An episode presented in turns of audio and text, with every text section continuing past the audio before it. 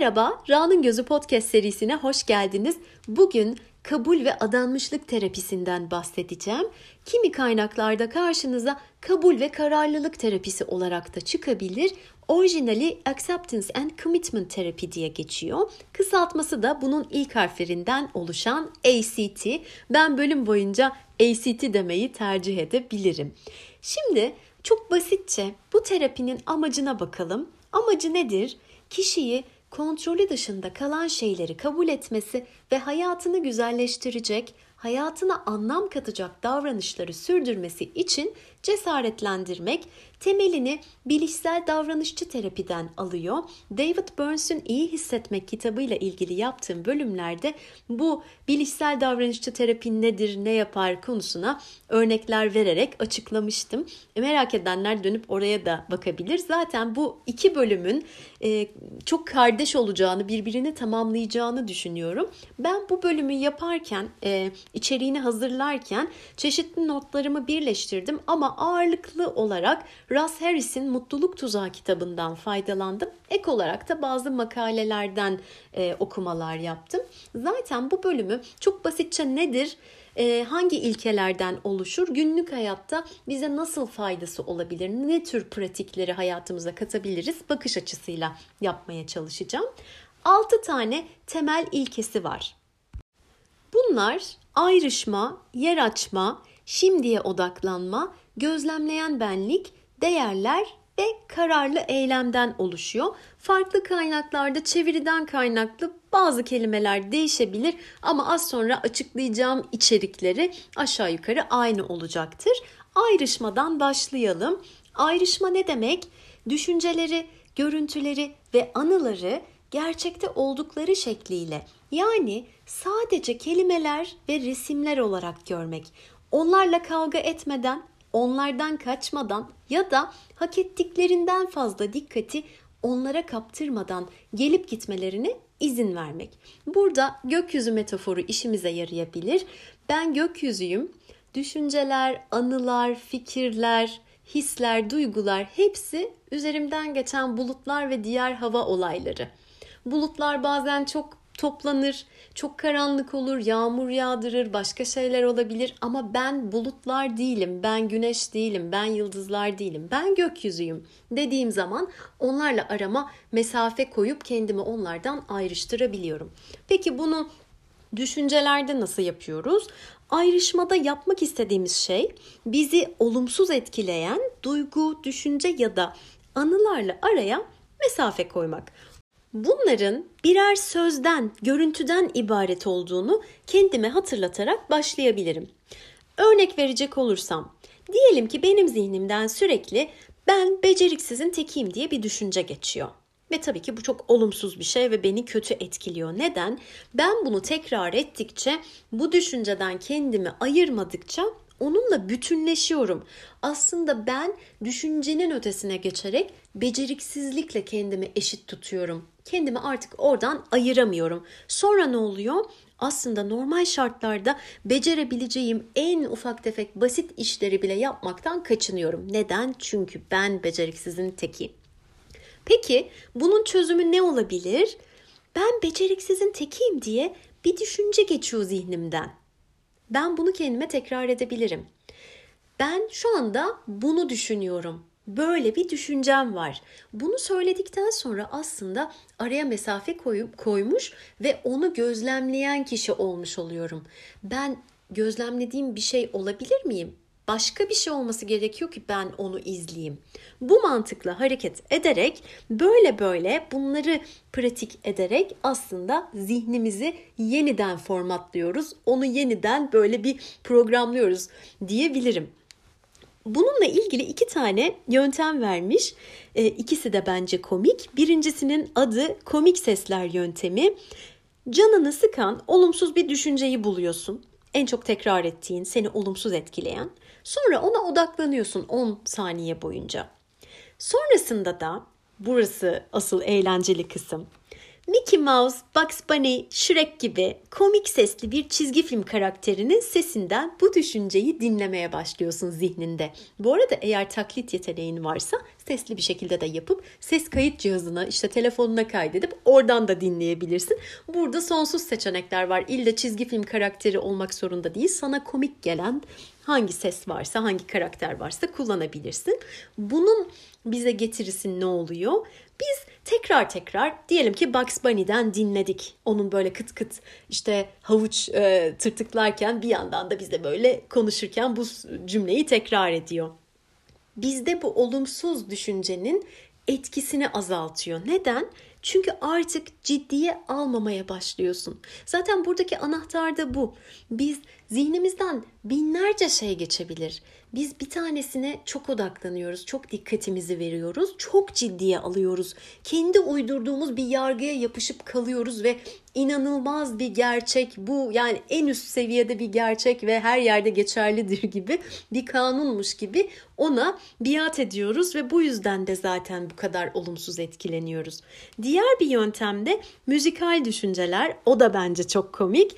Aynı şekilde başlıyorsun pratik etmeye. Olumsuz düşünceyi buluyorsun. Ona 10 saniye odaklanıyorsun. Sonra mesela Jingle Bells melodisi eşliğinde o düşünceyi söylemeye başlıyorsun. Bu da gerçekten yani yaparken ya da ilk okuduğum zaman mesela bu bilgileri of ya yani hani çok komik, çok tuhaf, çok şöyle, çok böyle diyorsun ama yaptığın zaman sana gerçekten bir gülme de geliyor. Bir hani ciddiye de almıyorsun. Artık eskisi kadar inanamıyorsun ve sana gerçekten yardımcı oluyor. Çünkü başta söylediğim gibi ayrışmanın en önemli tarafı mesafe koymak. Senin o düşüncenin düşünce olduğunu kendine hatırlatman ve onun aslında bir söz öbeği olduğunu kendine göstermen gerekiyor. Bunu da böyle komik yöntemlerle de yapıp kendimizce eğlenebiliriz. Bu e, kabul ve adanmışlık terapisinde düşüncelerle ilgili şöyle bir bakış var. Düşüncenin doğru, yanlış, şöyle böyle olmasının aslında bir önemi yok. Bunu düşünmek bana bir fayda sağlıyor mu? Bana yardımcı oluyor mu? Beni olmak istediğim kişiye götürüyor mu? Bunun cevabı önemli. Şimdi e, Jung'tan da bir şey e, bahsetmek isterim. Bizi rahatsız eden düşünce için e, ya da işte anı ya da sorunlar, problemler her neyse Jung şöyle söylüyor. Onlar aslında bizim kapımıza gelen tanrı misafiri. Hatta bize yardımcı olabilecek, bizim dönüşümümüze vesile olacak tanrı misafirleri. Eğer onlara kapımızı kapatıp yollarsak aslında bir anlamda o kapıyı kendimize de kapatmış oluyoruz. Peki burada yapmamız gereken şey ne? Misafiri kabul etmek ve onu içeri almak, onunla karşılıklı oturup belki çay kahve içmek, sohbet etmek ve bize ne anlatmaya çalıştığını anlamaya çalışmak. Ve şöyle de bir şey var. Bazen anladık, dinledik, tamam misafiri yolcu etmeye hazırız gibi hissediyoruz kalkmıyor, gitmiyor. O zaman da yine bir kabul vermek ve sakince durmak ve şunu kendimize hatırlatmak. Bana anlatacakları bitmemiş olabilir ya da bana anlatmak istediğini ben tam olarak anlamamış olabilirim. Bence bu kabul ve adanmışlık terapisini en güzel özetleyen şey. Yine döndük dolaştık. Jung'a geri döndük. Her şeyin cevabı sevgili kankamda mevcut. Şimdi buradan nereye geleceğim? e, çok şaşırtıcı bir biçimde yer açma ilkesi aslında kabul verme ilkesi de diyebilirim. Ne demek yer açmak? Duygulara, bedensel hislere, dürtülere alan açmak. Onlarla savaşmadan var olmalarına izin vermek. Kabul edip izin veriyoruz diye de yani onları çok seviyoruz, onlara bayılıyoruz anlamına gelmiyor kesinlikle. Az önce bahsettiğim gibi misafir etme konsepti var. Zaten kabulün asıl anlamına da bakacak olursak herhangi bir şeye katlanmak veya boyun eğmek, pes etmek, vazgeçmek demek değil. Kabul hayata katlanmakla ilgili değil, hayata sarılmakla ilgili diyor Russ Harris Mutluluk Tuzağı kitabında. Ben bu tanımı çok sevdim. Gerçekten de bazen bir şeye kabul verdiğimiz zaman sanki yenilmişiz, vazgeçmişiz gibi bir his kaplıyor olabilir. Bunlar da aslında düşünce. Kabul vermek, olanı olduğu gibi görmek, olanı olduğu gibi e, hani kabul etmek diyeceğim. Çok kabul dedim burada ama neyse anlaşılmıştır diye tahmin ediyorum. Yani hali hazırda olup bitene tam da şimdi ve burada ne olduğuna kendimizi açmak o alanı vermek. Yani benim bazı isteklerim olabilir, dürtülerim olabilir, bazı olumsuz düşüncelerim olabilir. Halının altına süpürmeyeceğim. Onlar yokmuş gibi sırtımı dönmeyeceğim. Kendimi belki de başka şeylerle, davranışlarla, maddelerle, yöntemlerle uyuşturmayı seçmeyeceğim ki onlara yer açayım. Bana ne anlatacaklarını, o tanrı misafiri dediği Jung'un bana ne anlatmak istediğini, ne söylemek istediğini daha rahat görebileyim. Bir de e, bunlar şunun için de çok faydalı. Bu şekilde kendimizi bütünsel olarak da kabul ediyoruz. Her kabul verdiğimiz, alan açtığımız minik şey bizim bütünselliğimize katkıda bulunuyor. Çünkü bütünsel derken şunu demek istiyorum. Sadece şimdiyi değil, geçmişi geleceği, belki evrimsel köklerimizi her şeye kabul veriyoruz bu yolda. Çünkü şu anda bizim bozulduğumuz, karşı çıktığımız, belki tamir etmeye, düzeltmeye çalıştığımız her şey evrimleşme sürecimizden geliyor. Yani kendi DNA'mız aslında. Biz kusurlu değiliz. Zihnimiz de sadece işini yapıyor basitçe. Çünkü biz bu şekilde evrimleştik. Olumsuzlukları fark ediyoruz, Onlardan rahatsız oluyoruz, kendimizi kıyaslıyoruz, değerlendiriyoruz, eleştiriyoruz. Bazen sahip olamadıklarımıza odaklanıyoruz. Çünkü bunlar çok böyle binlerce yıl önce gittiğimiz zaman ilkel insanların hayatta kalması için e, gerekli olan şeylerdi. Çünkü onların hayata devam edebilmek için bir topluluğa, bir kabileye ait olmaları gerekiyordu. Yoksa kabilenin dışında kalırsan or ya da oradan dışlanıp kovulursan kurtlar seni yer. Yem olursun. O zaman ne yapıp edip o toplulukta kalman gerekiyor. Yani dışlanmaman gerekiyor. Peki dışlanmamak için ne yapacaksın? İşte bizim bazen böyle ehlileştirmeye çalıştığımız, düşman gibi gördüğümüz zihin burada devreye giriyor. Ne yapacaksın dışlanmamak için? Sürekli gözlemleyeceksin, düşünüp duracaksın. Diğerleriyle kendini karşılaştıracaksın. Kabileye uyum sağlayabiliyor muyum? Doğru şeyleri yapıyor muyum? Diğerleri kadar iyi miyim? Ya bir durum olursa beni gözden çıkarmazlar değil mi diye kendini garantiye almaya çalışıyorsun. Çünkü orada dikkat edeceğin şey aman dışlanmaya neden olacak bir şey yapmayayım. E, kriterin ne olacak? Diğerleri ortam, ortalama. Bu yüzden de zaten buna bu kadar çok dikkatimizi veriyoruz.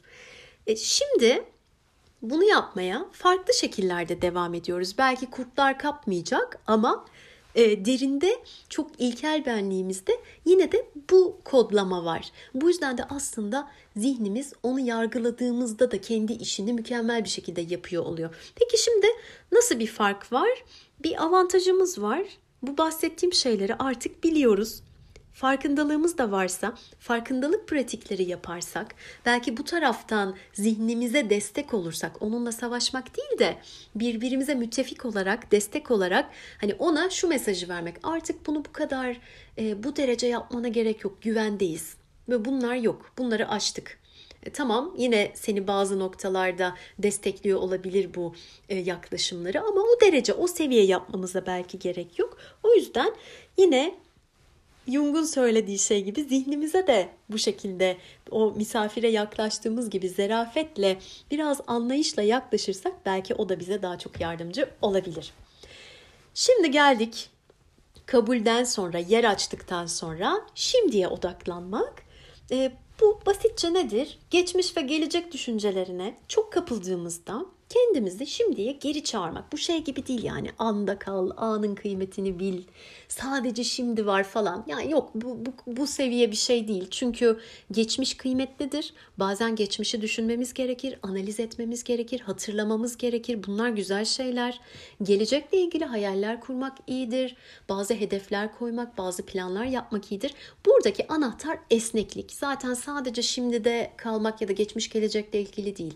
Genel olarak e, bu kabul ve adanmışlık terapisinde ne kadar esnek olabilirsek o kadar rahat ediyoruz. Hiçbir şeyde katılığa yer olmaması gerekiyor. Bu şekilde bakarsak dikkati şimdiye toplamak daha iyi. Çünkü geçmişi düşündüm diye günah işlemiş değilim.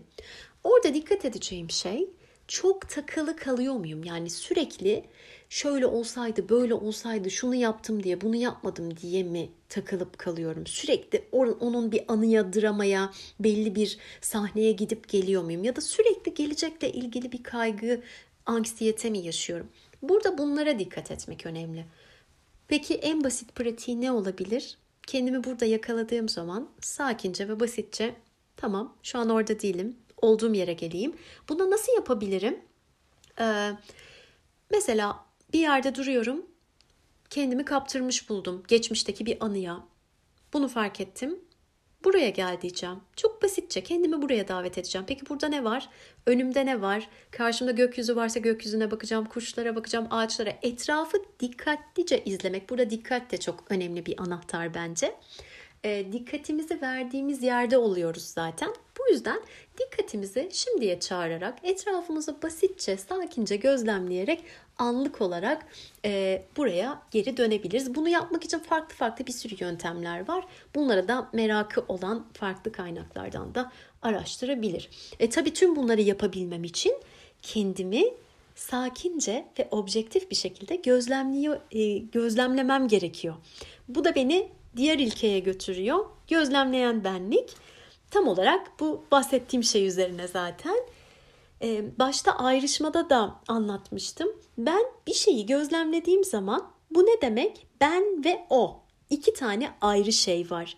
Zaten daha başladığım anda onu gözlemlemeye kendimi ayrıştırdım. Ve duygular, anılar, dürtüler, işte düşünceler her ne varsa hepsini kendimden ayırmaya başladım. Diğer avantajı ne? Sakince gözlemledim, bir şeyler fark ettim. Sonraki adıma geçmek için zaten en önemli kaynağım bu. Bir şey fark ettim. Peki ben ne istiyorum? İşte az önce söylediğim gibi geçmişe çok takıldım ya da çok gelecek kaygısındayım. Sakince kendimi şimdiye çağırdım, davet ettim. Önüme sevdiğim bir işte kahveyi koydum ve onu yudumlamaya başladım. Bu kadar aslında basit basit şeylerle e, burada istikrar mucizedir diyeceğim. İlk yaptığın zaman o kadar etki etmeyebilir. Ya da her seferinde of her seferinde kendime mi hatırlatacağım işte ay çok sıkıcı falan diyebilirsin. Ya da öyle olacağını düşünebilirsin. Ama yaptıkça yaptıkça belki de artık bu kadar prosedürel yapmana gerek kalmayacak. Birazcık daha otomatik geçişler olabilecek. Bir diğer e, ilke değerler. Değerler ne demek? Hmm, mesela nasıl biri olmak istiyorum? Ben neyi temsil etmek istiyorum bu hayatta? Ee, ne bileyim arkamdan hangi özelliğin konuşulmasını isterim? Ne hangi kavramın e, benimle anılmasını isterim gibi soruların cevapları aslında bizim değerlerimizdir. E, değerler çoğunlukla hedeflerle karıştırılıyor. E, burada zaman kriteri ayrıştırıcı. Şimdi hedef belli bir süre içindir. Ona ulaşırsın ve biter. Ama değer sınırsız ve sonsuzdur. Örnek verecek olursam mesela Hawaii'de bir tatil yapmak senin hedefin. E gittin, yaptın, gerçekleşti, bitti. O hedef bitti artık. Peki bunun altında nasıl bir değer olabilir?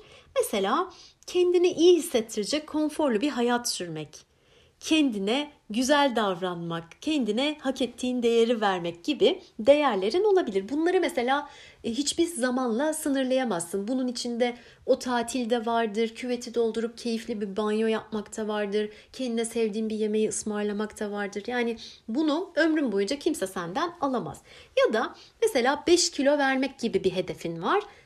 5 kiloyu verdin ve o hedef bitti, tamamlandı artık. Peki bunun altında nasıl bir değerin olabilir. Sağlıklı bir yaşam sürmek, sağlıklı ve konforlu, kaliteli bir hayat sürmek olabilir. Bunu da senden kimse alamaz. Hayatın boyunca sınırsız ve sonsuz bir şekilde sürdürebilirsin bu değerini. Çeşitli eylemlerle, yaptığın seçimlerle bu değerini aktif hale getirebilirsin. Şimdi bunlar neden önemli? Çünkü ben değerlerimi bilirsem o doğrultuda hareket etmek benim için daha anlamlı olur, daha kolay olur. Çünkü artık adını koymuş olurum. Neyi niçin yaptığımı, ne uğruna yaptığımı bilirsem zaten bana güzel bir anlam kalır. E, bu ilkelerin sonuncusu da kararlı eylem, harekete geçmek. Yani değeri eyleme geçirmek. değerler doğrultusunda hareket etmek. E, buradaki önemli nokta az önce bahsettiğim gibi esnek olmamız, çok katı kurallara yapışmamak, çok katı sınırlamalar kendime koymamak. E, değerler önemli ama bizim böyle uymamız gereken emirler listesi değil. Ne kadar esnek olabilirsek, ne kadar yaptığımız harekette değerler uyumlu olursa bizim için o kadar anlamlı bir hayatı inşa etmek kolaylaşıyor. Zorluklarla karşılaştığımız zaman kendimize bunları hatırlattığımızda bizim için önemli, kıymetli olan şeyler uğruna çaba sarf ettiğimizi fark ettiğimizde, kendimize hatırlattığımızda zaten hevesimiz ve motivasyonumuz, devamlılığımız artıyor. Bu yüzden de çok önemli. Bu son ilke hareket etmek aslında çok daha fazlası. Yani hareket etmek, adım atmak sadece o kadarla sınırlı değil. Hayatımızda çokça şeyi titreştiren, bir şey için adım attığında hayatının farklı alanlarındaki şeylere de e, dolaylı bir biçimde etki ediyor. Bununla ilgili de kısa bir bölüm yapacağım. Muhtemelen de bundan sonraki bölüm olacak. E, hareket etmek neden sadece hareket etmek değildir ya da hareket etmek neden bana bu kadar iyi geliyor gibi bir bölüm yapmayı planlıyorum. Orada da çeşitli araştırmalardan faydalanarak bazı şeyler paylaşacağım. Diyerek bu kabul ve adanmışlık terapisi bölümünü burada bitiriyorum. Ben çok basitçe ilkeleri toparlayarak nedir, nelerden oluşur, içinde hangi konseptler var bakışıyla aktarmak istedim. E, detaylarını merak edenler Russ Harris'in Mutluluk Tuzağı kitabını okurlarsa, kardeş kitabı olan David Burns'in İyi Hissetmek kitabını okurlarsa ya da onunla ilgili yaptığım bölümleri dinlerlerse bu bilgiler e, günlük hayatta çok daha pratikte fayda sağlayacaktır diye düşünüyorum. Sonraki bölümlerde görüşmek üzere, hoşçakalın.